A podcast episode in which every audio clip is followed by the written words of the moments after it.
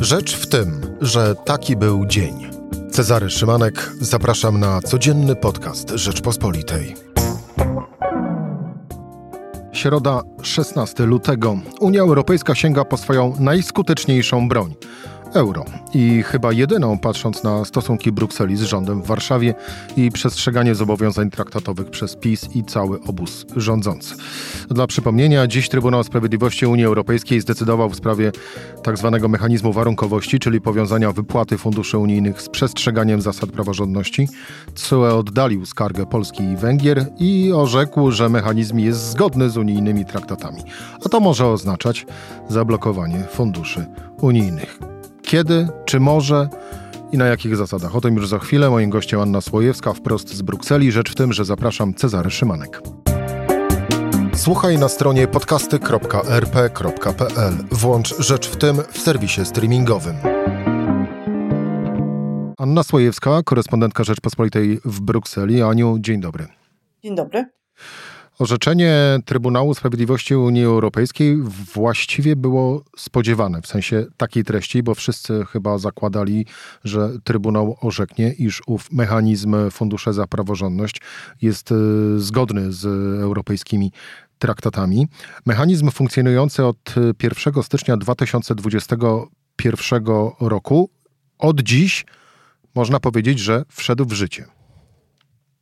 On wszedł w życie już tego 1 stycznia 2020 roku. Ale nie był stosowany.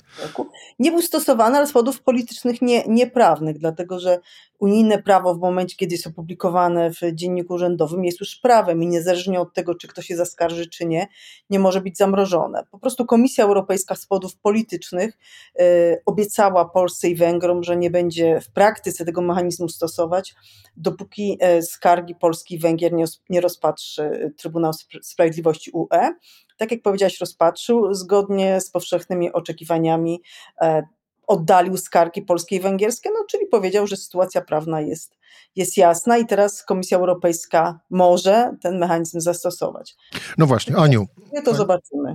Aniu, może od teraz zastosować. To wytłumaczmy, co dalej może się zadziać, a właściwie zadzieje się, no bo y, tak, żeby ów mechanizm mógł wejść y, w praktyczne życie. Mechanizm przewiduje, że mm, Komisja Europejska może wnioskować o zawieszenie części unijnych funduszy państwom, w których po pierwsze jest łamana praworządność, a po drugie to łamanie praworządności stwarza ryzyko, poważne ryzyko, czy zagraża interesom finansowym Unii Europejskiej. To jest, ta procedura jest, jest opisana e, i na, na, w tej chwili Komisja ją może uruchomić formalnie. Natomiast już w zeszłym roku Komisja Europejska w listopadzie bodajże wysłała listy, takie nieformalne listy do Polski, do Węgier z całą serią pytań dotyczących w przypadku Polski funkcjonowania wymiaru sprawiedliwości i wszystkich jakby aspektów e, praworządności. Czyli to oznacza, że Polska ma na myśli konkretnie, mimo że tego mechanizmu, jak mówię, jeszcze formalnie nie uruchomiła, ale konkretnie ma zastrzeżenia do dwóch krajów, do Węgier i do Polski. Gdyby zdecydowała się ten mechanizm uruchomić, z któregokolwiek z tych krajów, no to zgodnie z unijnymi przepisami, biorąc pod uwagę kolejne etapy tej procedury, musi minąć przynajmniej pół roku między takim pierwszym wnioskiem komisji, pierwszym listem komisji formalnym do państwa, do rządu państwa członkowskiego, a ewentualną decyzją o zawieszeniu pieniędzy. Y, natomiast no, na razie mamy, mamy pierwszą taką reakcję y, przewodniczącej komisji Ursuli von der Leyen na wyrok TSUE. To jest taka dość powściągliwa reakcja. Mówi, że w ciągu najbliższych tygodni komisja przygotuje wytyczne, jak to rozporządzenie stosować. To budzi wielką wielką niechęć, czy wręcz złość Parlamentu Europejskiego, który bardzo, bardzo od wielu miesięcy naciska na komisję, żeby w praktyce ten mechanizm stosowała. No zresztą za, za pół godziny rozpocznie się debata w Parlamencie Europejskim z udziałem e, budżetowego komisarza Johannesa Hanna, e, no ale wiadomo, że ta decyzja ostatecznie jednak będzie należała do Ursuli von der Leyen i, do, i od jej politycznej kalkulacji e, zależy, czy ten mechanizm zostanie wdrożony, zostanie uruchomiony wobec, wobec jednego z tych dwóch państw, czy może wobec obu tych, z tych państw. Mówisz wdrożony i uruchomiony, czy też, no właśnie biorąc pod uwagę, że Komisja Europejska przygotuje wytyczne, jak stosować ową regułę w praktyce. Czy też można temu mechanizmowi jeszcze, mówiąc kolokwialnie, wybić zęby? Czyli, idąc dalej, czy politycy zarówno z Polski, jak i z Węgier, rządzący, mają jeszcze jakąkolwiek szansę na to, żeby u szefowej Komisji Europejskiej wynegocjować jakieś ustępstwa? Nie, wydaje mi się, że nie. No, te wytyczne to jest bardziej takie trochę też chyba kupowanie czasu przez von der Leyen. Tutaj wiele wskazuje, że na początku kwietnia odbywają się wybory parlamentarne na Węgrzech. E, I są tacy, którzy uważają, że, że von der Leyen nie będzie chciała tego mechanizmu uruchamiać przed wyborami, żeby nie być posądzaną o mm, no jakby próbę ingerowania w kampanię wyborczą, w politykę wewnętrzną. Są też inni, którzy mówią, że przez to, że uruchomi mechanizm nie znaczy wcale, że pieniądze już zostaną zamrożone, najpierw jest jakiś rodzaj dialogu, wymiana listów i tak dalej, ale e, sądzę, że po prostu von der Leyen chce tutaj kupić czas. E, pamiętajmy, że jednak ten, ten mechanizm mówi bardzo wyraźnie o tym, że on, to nie jest mechanizm dotyczący praworządności, to jest mechanizm dotyczący budżetu. On chroni interesy finansowe Unii. I też jest wielu takich, którzy wskazują, że pewniejszym kandydatem do e, jakby bycia uderzonym tym mechanizmem są Węgry, gdzie komisja, e, są Węgry, które według OLAF, takiego unijnego biura antykorupcyjnego, mają najwyższy wskaźnik um, źle użytych czy, czy zdefraudowanych unijnych środków. Polska mieści się w unijnej średniej, w Polsce inne rzeczy budzą, budzą wątpliwości. W Polsce dużo tak, tak mówią moi rozmówcy różni, i, i prawnicy, i, i, i tacy, powiedzmy, urzędnicy bardziej, bardziej zorientowani w tym, co się w komisji wewnątrz dzieje. No, w przypadku Polski komisja musiałaby jednak troszkę większego wysiłku dokonać, żeby udowodnić ten związek między e, między brakiem niezależności sądownictwa a zagrożeniem dla interesów finansowych Unii. A ponieważ to jest nowy mechanizm i komisja no, chce mieć pewność, że na żadnym etapie ta jej procedura w nie zostanie podważona potem przez, y, przez sąd, przez prawników, no to uważa się, że jeśli zastosuje, to pewnie spróbuje najpierw z Węgrami, które wydają się być takim pewniejszym jakby case'em. Znaczy wydaje się, że w przypadku Węgier łatwiej to przeprowadzić, trudniejsze to będzie do podważenia. Będą wytyczne i załóżmy, że e, mechanizm e, zostanie użyty. E, wpierw pierwsze pisma, później, jak rozumiem, oczekiwanie na odpowiedź. Stwierdziłaś, że możliwe zamrożenie środków od owego pierwszego pisma to okres pół roku. I teraz pytanie. Mówimy o jakich środkach? O wszystkich to może dotyczyć wszystkich środków, ale oczywiście nie, nie, niech nikt sobie nie wyobraża, że komisja, jeśli w ogóle rozpocznie tę procedurę, zdecyduje o zawieszeniu tych ponad 100 miliardów euro dla Polski. Nie, jeśli w ogóle taką decyzję podejmie, e, no to jednak to będzie musiała bardzo wyraźnie wykazać związek konkretnych środków z brakiem praworządności, więc e, zresztą Trybunał w tym orzeczeniu też dzisiaj powiedział, że to musi być proporcjonalne, że komisja musi wskazać środki, które jej zdaniem ich wydawanie może, może w tym państwie członkowskim może narazić Unię na straty finansowe, więc, e, więc teoretycznie to dotyczy całego unijnego budżetu, no ale to na pewno nie będzie dotyczyło wszystkich pieniędzy. pieniędzy.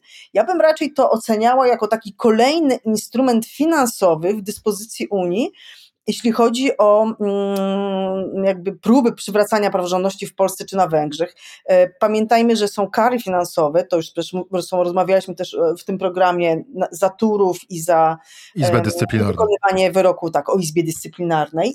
Polska nie musi płacić. Wreszcie jest KPO, no, potężny instrument, którego w przypadku mechanizmu praworządności, czy mechanizmu warunkowości, tak w, w, dokładnie mówiąc, trzeba przygotować tą, tą, tą, tą całą procedurę, naraż, to jest jakby premiera, narażać się na to, czy ona jest zgodna z prawem, czy nie, ktoś podważy, czy nie. W przypadku y, KPO mamy mamy już teraz tę procedurę, te pieniądze już są wstrzymywane i tylko od dobrej woli komisji zależy, czy ona te 36 miliardów euro e, odblokuje, czy nie. Więc ja bym nie traktowała tego mechanizmu warunkowości jako jakiegoś przełomu, że to nagle komisja może uderzyć Polskę czy Węgry po kieszeni, bo ona już Polskę i Węgry bardzo mocno po kieszeni od wielu miesięcy uderza. To jest kolejny instrument, który będzie w dyspozycji komisji. Uważasz, że zostanie zastosowany? Wobec Polski, bo dużo mówiłaś, dużo mówiłaś o Węgrzech i y, jak najbardziej zrozumiała y, jest gdzieś ta hipoteza o tym, że być może y, komisja będzie chciała poczekać na wynik wyborów na Węgrzech, no bo jeżeli zmieni się sytuacja e, polityczna w Budapeszcie, no to wtedy może się okazać, że to nie będzie, e, nie będzie potrzebne i wtedy zostanie na polu boju tylko i wyłącznie Polska, więc to, to pytanie jest całkowicie gdzieś zasadne. Na ile możliwe bądź też prawdopodobne, biorąc pod uwagę obecne nastroje w Komisji Europejskiej i również te naciski ze strony Parlamentu Europejskiego, o których wspomniałaś. Przewodnicząca Parlamentu Europejskiego no, tuż po orzeczeniu CUE wprost napisała, że oczekuje jak najszybszego wdrożenia w życie owego mechanizmu przez Komisję Europejską. No to jakie jest Twoim zdaniem prawdopodobieństwo, że dostaniemy z owego mechanizmu warunkowości? Znaczy mi się wydaje, że to być może komisja w którymś momencie uruchomi tę procedurę wobec Polski, ale bardziej nawet nie jest takim zamiarem, żeby koniecznie te pieniądze Polsce odebrać, tylko żeby po prostu mieć y, otwarty, gotowy y, taki, mm, e, no, taki kanał jakby, przez który może na Polskę wywierać presję. Wydaje mi się, że dopóki ma y, instrument presji w postaci KPO, to nie musi się spieszyć z mechanizmem warunkowości, no bo już ma, ma potężny instrument. Jeśli by jednak uruchomiła dla Polski pieniądze z KPO, jeśli by oceniła, że te obietnice e, prezydenta czy PiS dotyczące likwidacji Izby Dyscyplinarnej są wiarygodne, e, no to też jakby zawsze ma w odwecie, gdyby Polska jednak nie wypełniła tego, gdyby Polska w którymś momencie znów zaczęła coś tam majstrować, no to zawsze ma na przyszłość ten mechanizm warunkowości. Więc sądzę, że to komisja widzi w jakimś takim większym kontekście, że właśnie nie jako jedyny instrument, ale, ale jako taki dodatkowy instrument nacisku, który można ewentualnie uruchomić i trzymać Polskę w szachu. No właśnie, e, a jakie są nastroje e, dziś, 16 lutego, jeżeli chodzi o przyznanie środków z Funduszu Odbudowy na polskie KPO w Brukseli? E, no to jest, e, to jest sprawa, która jest cały czas analizowana w komisji e, i to jest, tu wielu ludzi w komisji mówi, że to będzie wyłączna osobista decyzja Ursuli von der Leyen, więc nawet trudno jakieś przecieki, bo, bo ona bardzo tam ściśle, ściśle chroni te informacje, jej gabinet nigdy żadnych informacji na ten temat nie przekazuje. Wiadomo, że ona byłaby chętna, żeby jakoś tę sytuację odblokować, szczególnie wobec sytuacji na Ukrainie, szczególnie wobec tego, że Polska jednak zapowiada, że będzie blokowała jakieś tam kolejne decyzje decyzje unijne, no więc to absolutnie w interesie komisji nie jest. No ale musi mieć rzeczywiście jakieś tutaj twarde, no, twarde argumenty, czy wobec Parlamentu Europejskiego, czy wobec nawet państw członkowskich krytycznych wobec Polski, żeby pokazać, że to KPO jest sens, jest sens uruchamiać. Aniu, wytłumaczmy jeszcze ową, mm, no, trudno to nazwać e, oczywiście sporem, ale przeciąganie liny między Parlamentem Europejskim a Komisją Europejską, no bo Parlament Europejski bardzo chce E, aby ów mechanizm e, zastosować i wręcz domaga się go, tego zastosowania od Komisji Europejskiej. E, skąd taka postawa? To jest taka charakterystyka, że tak powiem, instytucjonalna. Parlament Europejski to jest zawsze instytucja, która mniej kieruje się takimi um, kalkulacjami, bieżącymi kalkulacjami politycznymi. Von der Leyen, ona musi brać pod uwagę stanowiska państw członkowskich, nawet jak jej się coś nie podoba, to musi mieć jakby wiele rządów po swojej stronie, żeby, żeby przeforsować różne swoje inicjatywy legislacyjne. Parlament Europejski się kieruje troszeczkę inną logiką, nawet jeśli ci ludzie są z tych samych partii, które mogą być w rządzie lub w opozycji, mm, to trochę inaczej tam te decyzje zapadają i parlament zawsze był bardziej za prawami człowieka, bardziej za klimatem, e, bardziej za praworządnością. To jest po prostu historycznie, także w tym nic zaskakującego nie ma i rzeczywiście w tej sprawie jest wyjątkowo zdeterminowany i choć jeśli chodzi o samą praworządność, nie ma żadnych kompetencji, bo decyzje tutaj podejmuje w przypadku mechanizmu warunkowości, musi komisja zaproponować, Rada, czyli państwa członkowskie muszą większością głosów potem to zaakceptować. Parlament nie ma e, udziału w tej decyzji, ale parlament może, już grożą niektórzy eurodeputowani, że może po prostu zaszkodzić komisji w innej sprawie, na przykład nie rozliczyć, nie, nie zaakceptować jej budżetu, rozliczenia budżetu za ubiegły rok, albo na przykład nie zaakceptować budżetu na przyszły rok unijnego. Czyli może się okazać, że Komisja Europejska będzie w pewnym momencie zmuszona przez Parlament Europejski, oczywiście nieformalnie, do zastosowania owego mechanizmu. Tak, ja myślę, że komisja, e, że komisja musi coś pokazać, więc albo uruchomi to tylko w przypadku Węgier, choć, chociaż w przypadku Węgier, albo nawet uruchomi wobec dwóch krajów, nawet bez, bez takiego e, celu bezpośredniego, że chce koniecznie te pieniądze odebrać, ale przynajmniej, żeby pokazać, że coś się dzieje, że analizuje, że wymienia listy, że, że stwarza jakiś nacisk na te kraje. Ale od razu też wytłumaczmy od e, samego uruchomienia mechanizmu prawo, warunkowości do zamrożenia e, środków z funduszy unijnych. Jeszcze droga e, daleka, no bo właśnie musi to ta kwestia wtedy stanąć na e, Radzie Europejskiej, gdzie no, jednomyślność nie jest potrzebna, prawda? Więc wystarczy większość. Wystarczy kwalifikowana większość głosów. Wiele państw, e, myślę, byłoby gotowych, żeby, żeby zagłosować za odebraniem czy zawieszeniem części funduszy dla Węgier czy dla Polski. Czy byłaby to większość kwalifikowana? No, na razie nie mamy tej pewności, ale myślę, że spora część, szczególnie Europy Zachodniej, e, byłaby za tym, żeby to zrobić. Anna Słojewska, korespondentka Rzeczpospolitej w Brukseli. E, Aniu, bardzo dziękuję Ci za rozmowę. Dziękuję bardzo. Była rzecz w tym w środę. Cezary Szymanek do usłyszenia jutro o tej samej porze.